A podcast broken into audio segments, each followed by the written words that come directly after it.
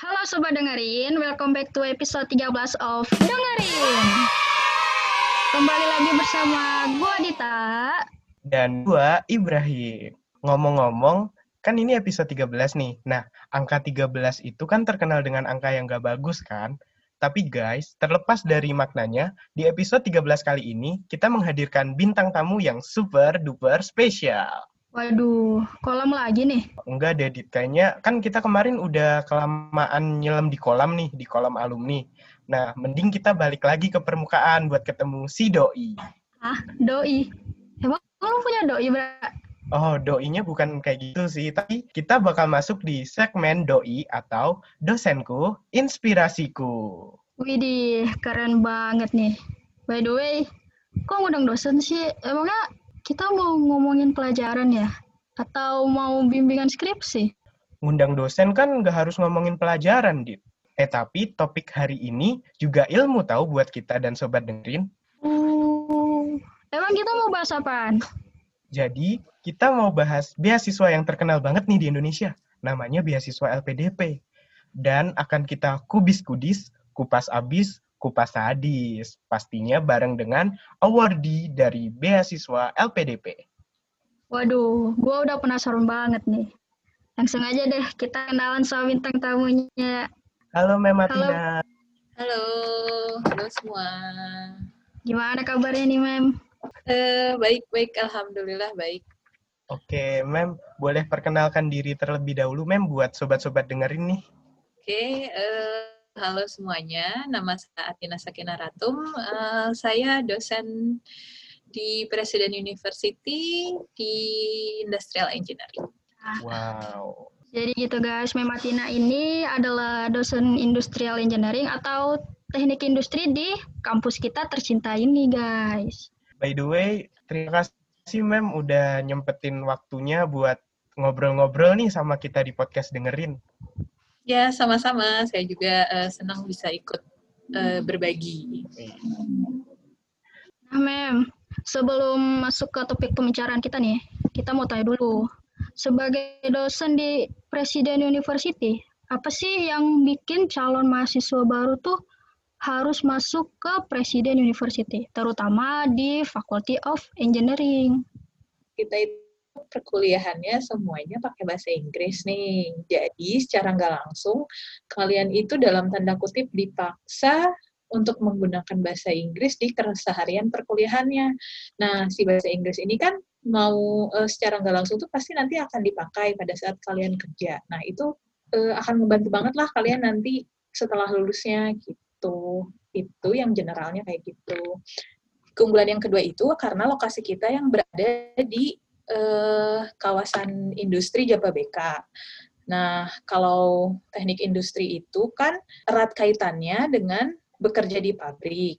Nah, cara lokasi kita yang ada di tengah-tengah kawasan industri itu nanti itu akan memudahkan eh, mahasiswa-mahasiswanya pada saat proses magang karena tidak perlu nyari susah-susah ke mana karena sudah banyak pilihannya ada di kawasan industri itu itu lebihnya Wah, bener banget itu guys. Iya bener banget tuh. Jadi jangan nyesal kalian kalau misalnya masuk di Presiden University.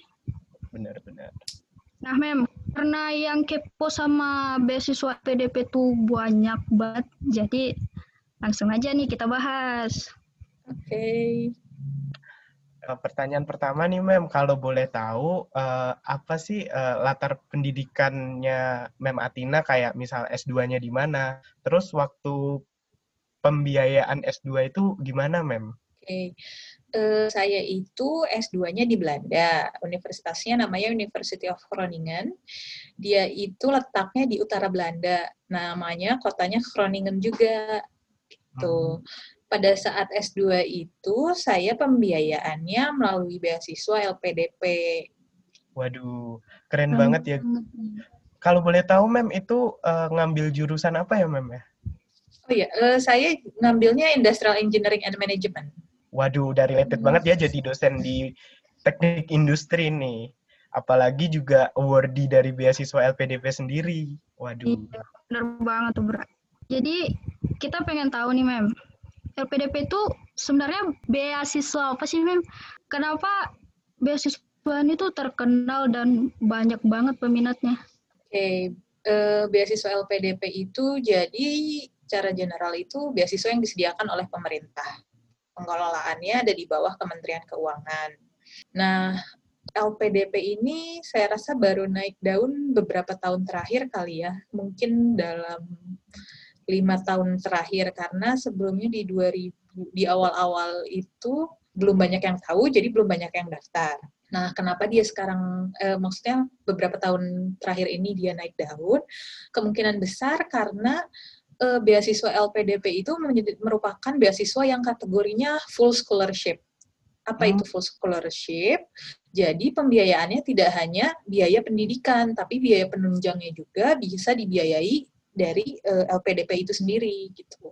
Mantap. Kalau dibandingkan uh, beasiswa yang lain, kemungkinan besar itu uh, banyaknya yang tersedia itu uh, pembiayaannya hanya biaya pembiayaan pendidikan walaupun ada pembiayaan penunjang, biasanya eh, komponen pembiayaan penunjangnya eh, lebih sedikit variabel dibanding LPDP. Kemungkinan besar itu sih, kalau menurut saya ya.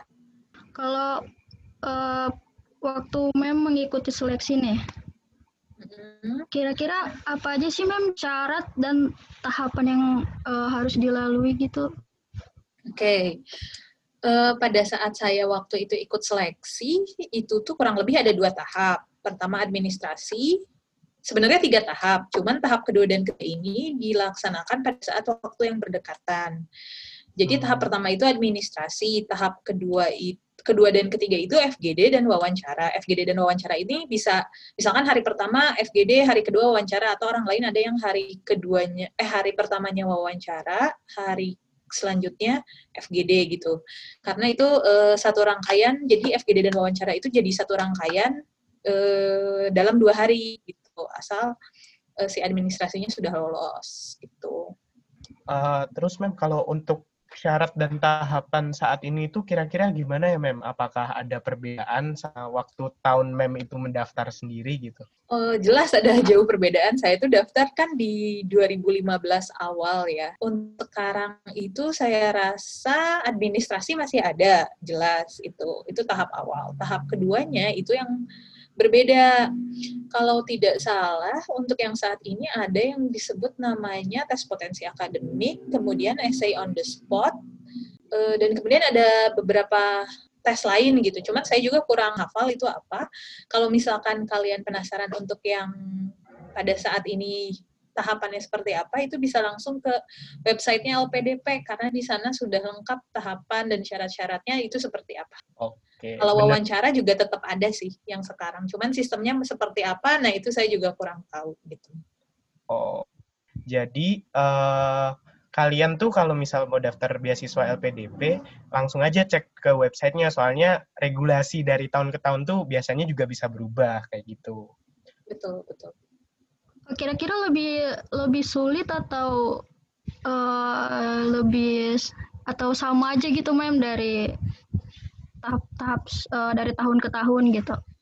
Uh, saya rasa sih lebih sulit ya, karena kan secara logika kalau makin ke sini makin banyak peminat otomatis kalau menggunakan uh, standar yang sama terlalu banyak ya yang diterima sementara dana kan pasti akan terbatas gitu. Bener. Jadi kalau menurut saya pasti akan lebih selektif sih dari tahun ke tahunnya gitu. Makanya kemungkinan yang pada saat zaman saya itu saya nggak ada namanya tes uh, potensi akademik. Kalau sekarang itu kalau nggak salah ada. Kemudian uh, on the spot essay writing itu pada saat saya nggak ada. Jadi essay writingnya itu untuk diseleksi administrasi aja. Oh. Gitu. Oh, begitu. Ternyata ya. berat juga ya. Boleh ceritain yeah. Uh, perjuangannya waktu mendapatkan beasiswa untuk mendapatkan beasiswa LPDP itu kayak gimana kan kita tahu nih LPDP itu lumayan bergengsi nih di Indonesia. Ya, eh, jadi tuh sebelum saya daftar LPDP itu kan saya sempat kerja di perusahaan. Kemudian karena memang saya memang fokusnya mau lanjut studi, saya um, memutuskan lebih baik untuk berhenti dari kerja kan. Terus persiapannya lumayan makan waktu dalam artian nggak bisa selesai seminggu dua minggu gitu. Uh, Kalau nggak salah juga rentang waktu pendaftarannya itu itu dibuka cukup lama gitu. Jadi kita bisa mempersiapkannya cukup waktu. Yang jelas tuh yang pertama itu saya harus punya sertifikat uh, kompetensi bahasa Inggris, bisa TOEFL atau IELTS. Pada saat itu saya udah punya tuh uh, sertifikat TOEFL IBT karena kan yang diakui sekarang tuh kalau misalkan ke universitas di luar negeri ya, TOEFL IBT nggak bisa lagi yang paper based IBT itu internet internet based test. Yang computer based test pun nggak bisa gitu. Jadi internet based test. Dan itu untuk satu tesnya lumayan memakan biaya dan hanya ada di jadwal-jadwal uh, hanya di waktu-waktu tertentu gitu. Jadi dari Amerikanya tuh dia dalam setahun tuh pasti udah menyediakan jadwalnya bulan apa, kapan, di mana, itu tuh udah ada. Nah, kan berarti saya harus menghitung, harus mempertimbangkan nih, saya harus daftar yang kapan supaya nanti hasilnya keluar tuh saya masih bisa sempat daftar. Karena oh. misalkan saya tes sekarang nih, eh, hasilnya secara angka ya, kalau nggak salah untuk TOEFL IBT itu dua minggu kemudian tuh saya udah bisa tahu angkanya berapa hasilnya. Tapi sertifikatnya itu keluarnya misalkan berapa minggu lagi kemudian. Nah, itu tuh yang waktu itu juga aduh saya harus ngitung nih. Udah gitu saya harus nyari uh, tempat yang resminya yang jadwalnya pas dengan hitungan itu gitu. Hmm. itu lumayan satu tentang tes bahasa Inggris. Yang kedua adalah surat rekomendasi. Surat rekomendasi ini harus minta dari kalau waktu itu ya yang saya lalu itu surat rekomendasinya harus dari dua orang jadi saya minta surat rekomendasinya ke dosen saya nah itu pun nggak dengan serta merta mudah dong minta rekomendasi ke dosen dalam artian ya uh, ketika dosen min, uh, kita meminta ke dosen, itu dosen juga kan harus berpikir tuh apa yang perlu dituliskan di dalam surat rekomendasi. Itu kan butuh waktu gitu. Itu jadi ada beberapa ada butuh beberapa waktu. Jadi antara saya dan dosen saya tuh uh, apa ya seperti kayak ini kira-kira cukup gak ya atau misalkan ada yang ada proses editing lah kurang lebihnya kurang lebihnya seperti itu. Jadi misalkan yang kata dosen saya itu yang mau ditunjukkan dari saya tuh apa gitu kelebihannya apa nanti dituliskan di uh, surat rekomendasi itu gitu. Tapi kan surat rekomendasi kalau semuanya positif semua juga kan dipertanyakan. Nah, kira-kira uh, kekurangannya apa nih yang uh, masih uh, apa ya masih bisa ditanggulangi nantinya gitu. Tapi jangan menjelekkan juga gitu. Nah itu lumayan butuh waktu juga tektokannya antara saya dan uh, dua dosen saya gitu. Terus yang ketiga itu uh, essay. Karena essay itu seingat saya saya harus buat dua macam essay. Dan pembuatan essay ini bagi saya ya itu nggak bisa selesai sehari dua hari. Karena pertama saya nulis full. Itu saya perlu diamkan dulu kemudian dua tiga hari kemudian saya baca lagi. Jadi dari situ saya tahu kok saya nulisnya gini ya? Kok rasanya tidak alur logikanya nggak bener gitu. Jadi saya perlu perbaiki lagi. Terus udah gitu saya eh, diamkan lagi kan? Saya baca lagi oh yang ini udah oke okay, tapi kok ke bawahnya jadi seperti ini ya? Karena penulisan esai itu kalaupun bisa sehari jadi itu hasilnya tidak akan maksimal gitu. Karena sebelum jadi uh, sebelum mempersiapkan untuk beasiswa LPDP ini saya uh, sudah pernah coba daftar bukan beasiswa ya tapi untuk uh, daftar ke universitas lain. Dan itu saya buat esai semalam jadi betul-betul semalam jadi pas dilihat ini kok saya saya nulis apa ya? Pantesan aja nggak keterima gitu. Jadi dari situ dari pas gagal pada saat pertama saya jadi nge gitu kalau misalkan untuk pendaftaran beasiswa sekolah lanjutan itu tidak bisa dipersiapkan dalam waktu sebentar gitu harus uh, dipersiapkan dengan matang jadi butuh waktu. Terus yang terakhir sih sepertinya standar seperti transkrip ijazah kayak gitu-gitu kan dari universitas masing-masing kemungkinan misalkan nanti selesainya legalisirnya dua hari kerja tiga hari kerja nah itu yang diperhitungkan. Gitu sih. Oh benar ternyata cukup sulit juga ya, Mem, tahap-tahapnya. Iya, berarti nggak bisa disiapin pakai sistem SKS ya, Mem? Sistem... Nggak, nggak bisa. Nggak bisa, itu nggak bisa.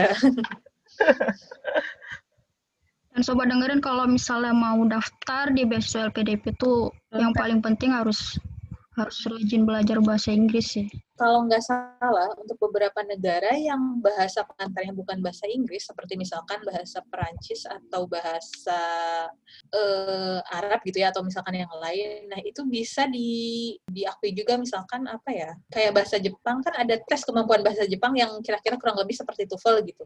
Itu kalau nggak salah bisa digunakan kalau nggak salah ya. Tapi tidak juga misalkan karena TOEFL yang official itu mahal, kalau nggak salah boleh kalau misalkan untuk persyaratan administrasi LPDP saja itu biasanya boleh diganti dengan TOEFL ITP. TOEFL ITP itu uh, tarifnya jauh lebih murah daripada TOEFL IBT dan IELTS sekitar kurang dari satu juta kalau nggak salah. Karena kan kalau TOEFL IBT dan IELTS itu rata-rata udah di atas 2 jutaan ya.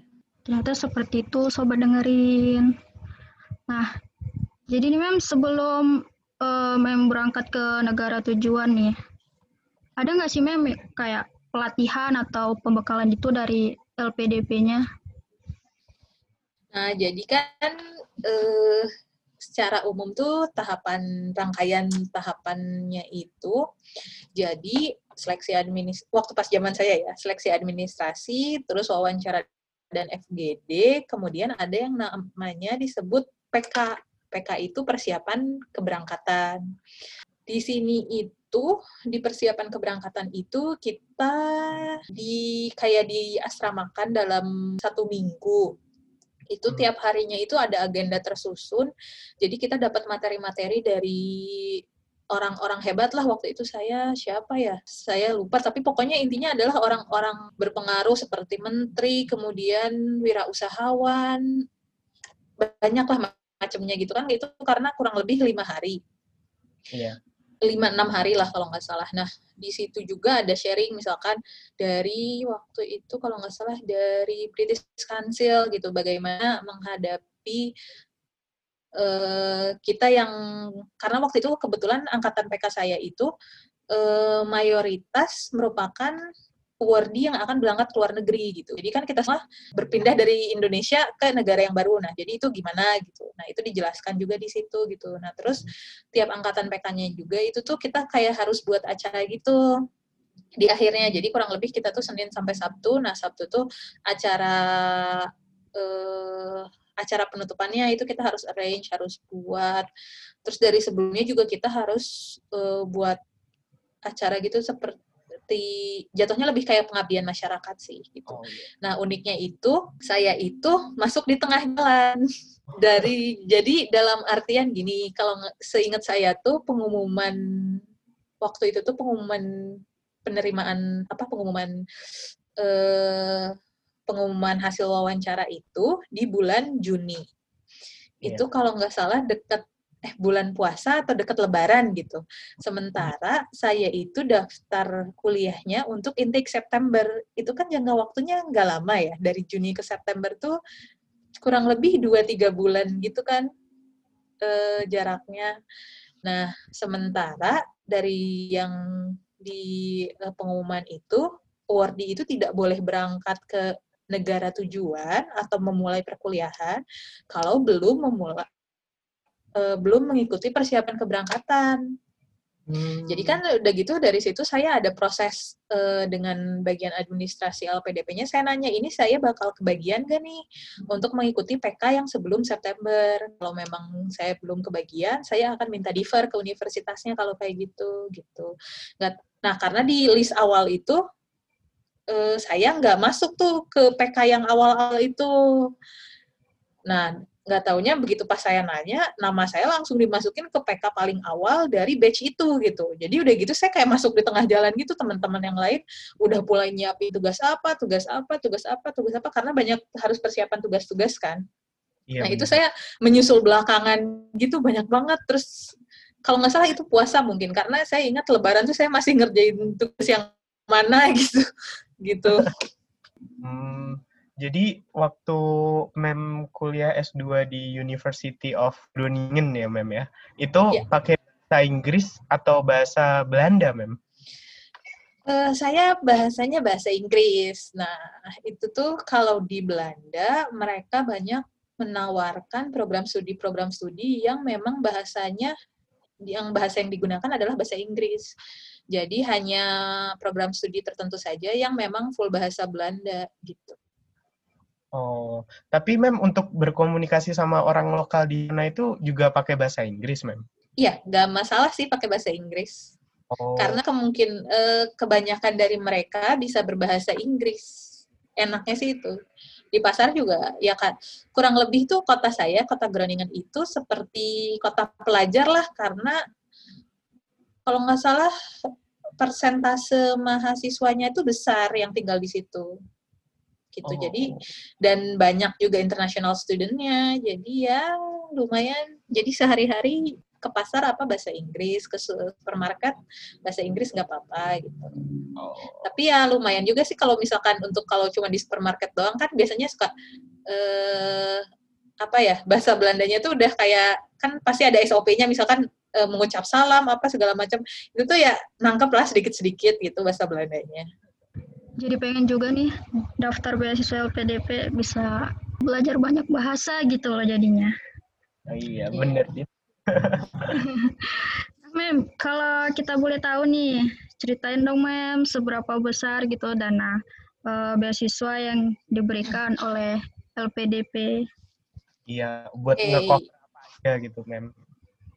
eh pembiayaan ya. Jadi pembiayaan ini eh, tiap negara, tiap kampus bisa beda gitu. Karena eh, komponen pembiayaan ini terdiri dari dua secara umum. Yang pertama dana pendidikan, yang kedua biaya pendukung. Dana pendidikan seperti eh, biaya pendaftaran, tuition fee atau SPP itu diberikannya. Jadi misalkan kalau ditagihkan dari universitasnya sebesar X juta, maka akan dibayarkan oleh LPDP sebesar X juta. Gitu. Jadi yang saya lupa ya disebutnya istilahnya apa ya? Eh, ya pokoknya intinya kalau misalkan tuition fee-nya mahal banget juga ya masih bakal tetap dibayarin gitu sama LPDP gitu. Terus ada yang disebut biaya pendukung. Biaya pendukung tuh eh, dana transportasi, visa, asuransi, asuransi kesehatan, terus eh, hidup bulanan, eh, kurang lebih itu. Nah, kalau misalkan dana transportasi, dana transportasi yang di cover itu satu kali pada saat berangkat. Ini kalau luar negeri ya eh, hitungannya. Satu kali saat berangkat dari Indonesia ke negara tujuan dan pada saat pulang dari negara eh, studi ke Indonesia itu jadi total dua kali kan. Terus visa atau residence permit itu biayanya ditanggung semuanya, transportasi juga itu ditanggung semuanya, asuransi kesehatan selama masa studi itu ditanggung semuanya oleh LPDP gitu. Hidup bulanan itu beda-beda standarnya tiap negara dan tiap kota. Oh. Jadi otomatis misalkan saya belajar di Belanda nih, eh teman saya yang di Amsterdam dengan saya itu biaya bul eh, dana hidup bulannya yang kita dapat berbeda karena di Amsterdam kan kota besar gitu. Jadi Lebih. dia akan dapat lebih gitu. Itu ada standarnya sih, itu ada di buku panduannya karena LPDP tuh tiap eh, selalu punya buku panduan eh, tentang komponen pembiayaannya apa saja dan berapa yang dibiayai gitu. Atau misalkan ada dana maksimalnya untuk komponen biaya tertentu itu ada. Tapi masih bisa buat nabung-nabung dikit gitu ya, mem, dari biaya hidupnya gitu. Ya mak eh, iya, soalnya biaya kalau yang saya rasakan pada saat saya biaya hidupnya cukup sih gitu. Karena saya juga kan tinggalnya bukan di kota bes kota apa ya, bukan kota metropolitannya gitulah. Jadi Oh. itu cukup gitu. Udah gitu kan saya kurang di kota itu tuh banyak orang Indonesia ya.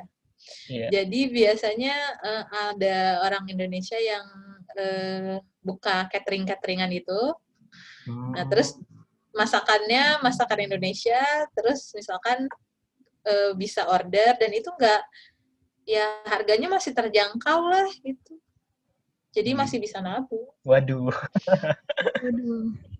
Sangat-sangat membantu ya, Bra ya. Iya, bener banget itu.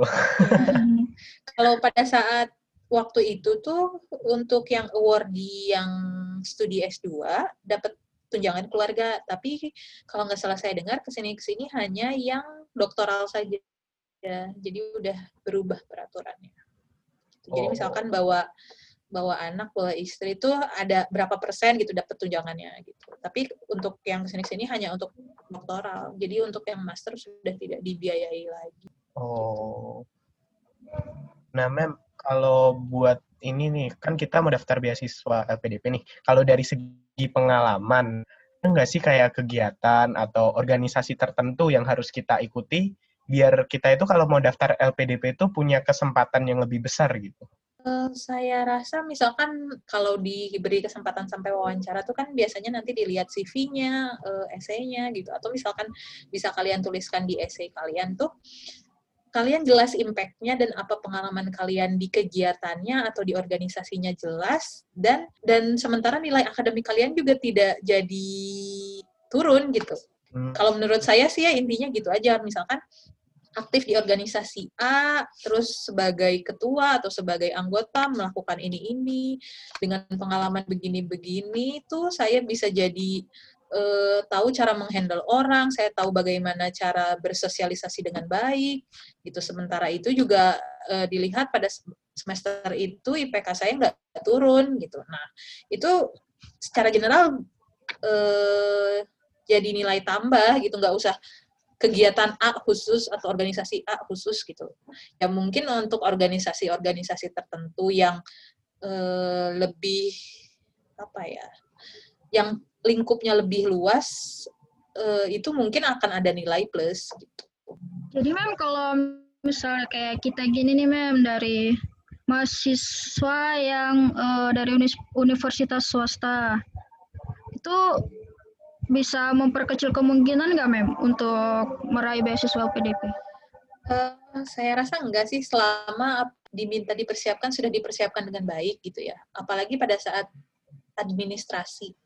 Kalau persyaratan administrasi itu kalau dimintanya A, ya harus kita harus sediakan A gitu. Jangan kan ini padahal kurang sedikit dari A gitu. Nah itu yang nggak bisa karena kan administrasi itu benar-benar plek gitu. Kalau misalkan dimintanya itu ya itu jangan misalkan cara TOEFL-nya itu adalah 500 itu TOEFL ITP ya. Tapi kita adanya tuh 498 terus kita masih nekat uh, submit nih uh, buat beasiswa LPDP-nya. Itu kemungkinan besar dia administrasi aja nggak akan lolos gitu. Terus untuk persoalan dari swasta atau enggaknya memperkecil kemungkinan atau enggak, harusnya enggak ya. Karena gini, pada saat berdasarkan pengalaman saya pada saat pada saat saya waktu itu itu banyak sekali eh, yang mendaftar dari negeri gitu. Dari Unpad, dari ITB, eh, kemudian ada juga dari swasta yang lainnya gitu. Saya di situ tuh kalau yang anak-anak ITB atau anak-anak Unpad tuh mereka bergerombol karena dengan banyak lagi dengan teman-teman yang lain. Saya di situ sempat ngerasa minder, saya nggak ada teman di sini, nggak kenal siapa-siapa gitu kan. Nggak tahu ya saya ketemu teman saya yang lain juga, dia anak ITB juga, jadi ya inilah. Tapi udah gitu teman saya nggak keterima, saya keterima gitu. Padahal teman saya ITB gitu. Jadi bukan masalah negeri atau swastanya, tapi e, bagaimana kita mempersiapkan uh, seluruh ininya, seluruh persyaratan, terus pada saat wawancara atau pada saat essay. Dan juga sih kalau menurut saya kemungkinan ya kalau misalkan akan uh, kita yang dari swasta itu ada rasa timbul kecil hati, minder gitu karena kita bukan dari universitas negeri yang akhirnya membuat uh, kita secara nggak langsung tuh jadi mengecilkan diri sendiri padahal potensi kita tuh besar gitu. Nah itu hmm. sih yang harus hati-hati. Gitu. Padahal kita itu juga nggak kalah kok sama dari yang negeri gitu. Mungkin iya. ini mem ada iya ada pertanyaan yang banyak nih. Mungkin ditanyain para scholarship hunter mungkin ya atau dari sobat hmm. dengerin. Uh, eh, GPA atau IP, IPK itu sebenarnya ngaruh nggak sih mem dalam proses seleksi gitu? Atau mungkin semakin tinggi IPK kita semakin punya peluang buat diterima dari beasiswa siswa LPDP itu sendiri. Gitu. Oke. IPK itu ngaruh karena itu ada di persyaratan administrasi. Seperti yang tadi saya bilang, kalau misalnya udah menetapkan IPK-nya harus minimal 3,25 otomatis anak-anak yang di bawah 3,25 itu tidak akan lolos seleksi administrasi gitu. Tapi komponen penilaian itu tidak berhenti hanya pada IPK gitu. IPK itu kalau kasarnya nih ya, itu itu hanya untuk membau, membukakan pintu supaya kalian lolos administrasi. Setelahnya ya komponen penilaiannya kan banyak lah e, essay kalian, e, wawancara kalian gitu. Nah, itu tuh jadi bahan pertimbangan juga gitu. Jadi tidak oh. tidak semata-mata hanya IPK gitu. Berarti benar-benar harus sesuai kualifikasi ya, Mem ya ya kalau ya kalau misalkan mau tetap nyoba ya silahkan nggak apa-apa tapi ya berarti harus siap dan bahwa ada kemungkinan besar tidak lolos seleksi administrasi sih oh gitu. Selama menerima beasiswa LPDP mem itu ya. ada nggak sih syarat yang harus dipenuhi selama menjalani perkuliahan kayak mungkin IPK atau apa gitu biar oh. kita itu tetap penerima beasiswa gitu oh kalau nggak salah itu ada, tapi uh, jadi saya lupa ya syarat uh, minimalnya misalkan harus berapa gitu. Yeah. Tapi yang jelas itu kita per bulan atau per tiga bulan saya lupa kita harus membuat report akademik report jadi uh, di awal semester jelas kita semester ini mau ngambil mata kuliah apa dan progresnya bagaimana semester selanjutnya akan seperti apa nah itu sih dan itu tuh harus ada tanda tangan kayak dosen walinya gitu. Kalau itu kalau yang masternya by kelas tapi kalau misalkan yang by research ya atau yang doktoral ya berarti dari supervisornya progres sertasinya seperti apa. Gitu. Ini saya agak buka kartu sedikit aja ya kan saya magister pada saat itu sempat gak lulus mata kuliah tertentu gitu kan. Nah itu juga jadi itu tuh harus dilaporkan gitu kenapa kamu nggak lulus terus nggak ngerencana ulangnya pas kapan gitu. Terus sih kayak warning gitu. Karena kalau di Belanda juga kan eh, kalau di Belanda yang master yang master aja ya setidaknya. Jadi ada Uh, jadi misalkan satu kan master kalau yang saya itu masternya dua tahun kan programnya. Jadi kalau mis, jadi itu ada batas minimal kredit yang harus sudah lulus diambil pada satu tahun gitu. Kalau misalkan nggak bisa minimum itu visanya bisa diambil dicabut gitu. Ya, jadi nggak cuma dari kontrol itu kalau pada saat saya itu nggak cuma dari LPDP, tapi saya kalau di bawah berapa ICTS itu saya nggak bisa lanjut lagi karena ininya kurang gitu. Waduh, sedikit serem ya guys. Jadi benar-benar kita maintain ya karena kita kan penerima beasiswa juga gitu ya. Iya, iya benar. Nah, Mem, sebelum kita ngobrol-ngobrol di podcast ini nih, Mem. Kita kan udah research terlebih dahulu gitu tentang berita-berita terkait LPDP. Nah, kita ya. mau nanya nih, Mem. Apakah penerima beasiswa LPDP itu masih memiliki kewajiban untuk kembali uh, mengabdi untuk negeri gitu kan? Eh, ini yang berita heboh akhir-akhir ini itu ya kayaknya kalian bacanya. Uh, kalau saya, uh, jadi itu setiap wardi itu harus menandatangani kontrak. Setidaknya pada saat saya ya, mungkin kan karena uh, sistem itu tiap waktu mungkin berubah karena menyesuaikan dengan zaman, menyesuaikan dengan perubahan lainnya gitu kan. Pada saat saya menandatangani kontrak dengan LPDP itu ada klausul yang menyatakan bahwa saya harus kembali, saya lupa tepatnya, apakah dia klausulnya saya harus kembali ke Indonesia dan mengabdi untuk Indonesia. Iya ya, kalau nggak salah gitu. Klausulnya adalah saya harus kembali ke Indonesia dan mengabdi untuk Indonesia. Nah, pada saat saya menandatangani kontrak itu tidak disebutkan dengan jelas kembali ke Indonesia dan tinggal di Indonesia-nya itu untuk berapa lama gitu. Cuman itu kan berarti pada saat 2015 tuh pada saat pengumuman uh, saya uh, setelah PK. Pada yeah. saat lagi ongoing studi ada peraturan tambahan yang menyatakan bahwa harus kembali ke Indonesia dan tinggal di Indonesia-nya itu 2N plus 1 dan itu berlarut gitu. Jadi ya memang harus kembali ke sini, 2N plus 1, N-nya adalah masa studinya. Jadi kalau studinya 2 tahun, berarti harus tinggal di Indonesia-nya 5 tahun. Kalau studinya 3 tahun, berarti 7 tahun, gitu, seterusnya. Gitu. Nah, Mem, kan itu kan kita kan beasiswa LPDP tadi kan kayak yang terkenal banget nih di Indonesia. Kira-kira nih ada nggak sih tips dan trik supaya kita itu bisa lolos beasiswa LPDP atau mungkin tips yang bisa memperbesar peluang kita lolos beasiswa LPDP gitu, Mem? Apa ya? Ya sepertinya tadi saya udah ini sih bilang intinya tuh kalian baca dulu syaratnya apa, kemudian kalian harus persiapkan sesuai dengan persyaratannya. Itu pertama administrasi karena e, semua proses di mana-mana kayaknya adalah pertama kali administrasi gitu. Kalau administrasi saja kalian tidak lolos, mau bagaimana kalian menunjukkan kehebatan kalian yang lainnya di tahap selanjutnya gitu kan. Jadi menurut saya yang krusial dalam tanda kutip krusial itu adalah administrasi karena administrasi itu kayak gerbangnya gitu. Kalau gerbangnya aja nggak di nggak kalian nggak bisa buka kalian mau gimana gitu jadi ya administrasinya dulu dia mintanya apa ya itu yang harus kalian berusaha penuhi gitu.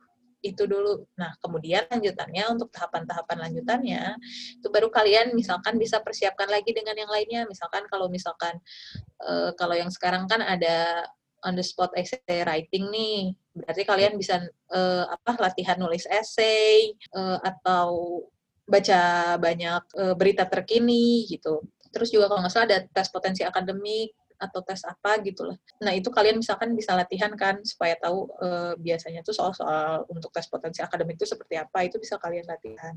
Benar-benar. Terus kalau untuk wawancara, saya nggak tahu ya kalau wawancara yang sekarang-sekarang itu seperti apa. Tapi yang jelas pada saat saya tuh ya ditanya-tanya alasan kenapa milih jurusan itu, kenapa di negara itu, terus berkaitan dengan essay gitu. Karena terus saya mengambil di luar negeri juga uh, emang ditanya kesiapannya uh, pada saat apa kalau tinggal di luar negeri gimana itu. Jadi ya intinya pertama kalinya dulu adalah administrasinya harus terpenuhi, kemudian eh, yang lainnya menyusul lah gitu, masih bisa menyusul gitu dipersiapkan. Iya.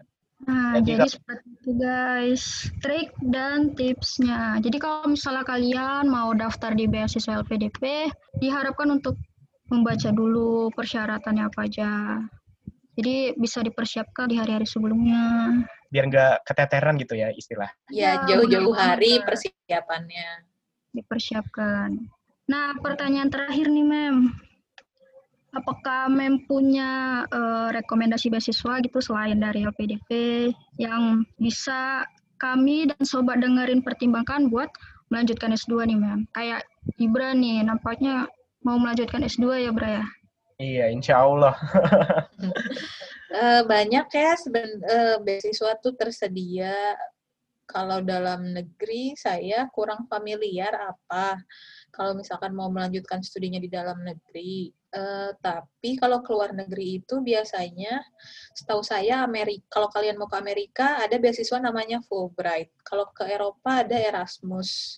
Uh, Belanda ada Nuffic Neso. Australia tuh Australia Awards. UK Chevening. Itu masing-masing syaratnya beda-beda, timelinenya beda-beda. Nah intinya sih untuk persiapan beasiswa gitu. Kalau di awal kan biasanya apa administrasi tuh. Nah, itu yang harus dipenuhi dulu administrasinya gitu. Itu banyak kok eh, masing-masing beasiswa itu komponen pembiayaannya juga berbeda. Jadi kalian lihat mana yang perlu dibaca gitu beasiswa itu dia membiayai apa aja sih syaratnya apa? Karena setahu saya misalkan beasiswa dari yang antara kalau nggak negara-negara tersebut tuh ada yang kan tidak mem, jadi setelah lulus kita nggak boleh nyari kerja di situ selama dua tahun setelah lulus gitu contohnya. Ya syarat-syarat semuanya itu harus dipertimbangkan dibaca dengan baik dan benar gitu. Wah berarti Mematina ini scholarship hunter banget ya mem. Kayak tahu banyak gitu tentang beasiswa beasiswa Nia itu sih ya karena waktu itu juga karena teman saya juga lagi nyari gitu. Jadi ya sharing sama temen. Jadi makanya tahu kalau ke Amerika ada Fulbright ke Australia ada Australia Award terus Erasmus Chevening Novik Neso gitu. Masih banyak kok yang lainnya terbatas dengan itu aja ya jadi yeah. silahkan dicari.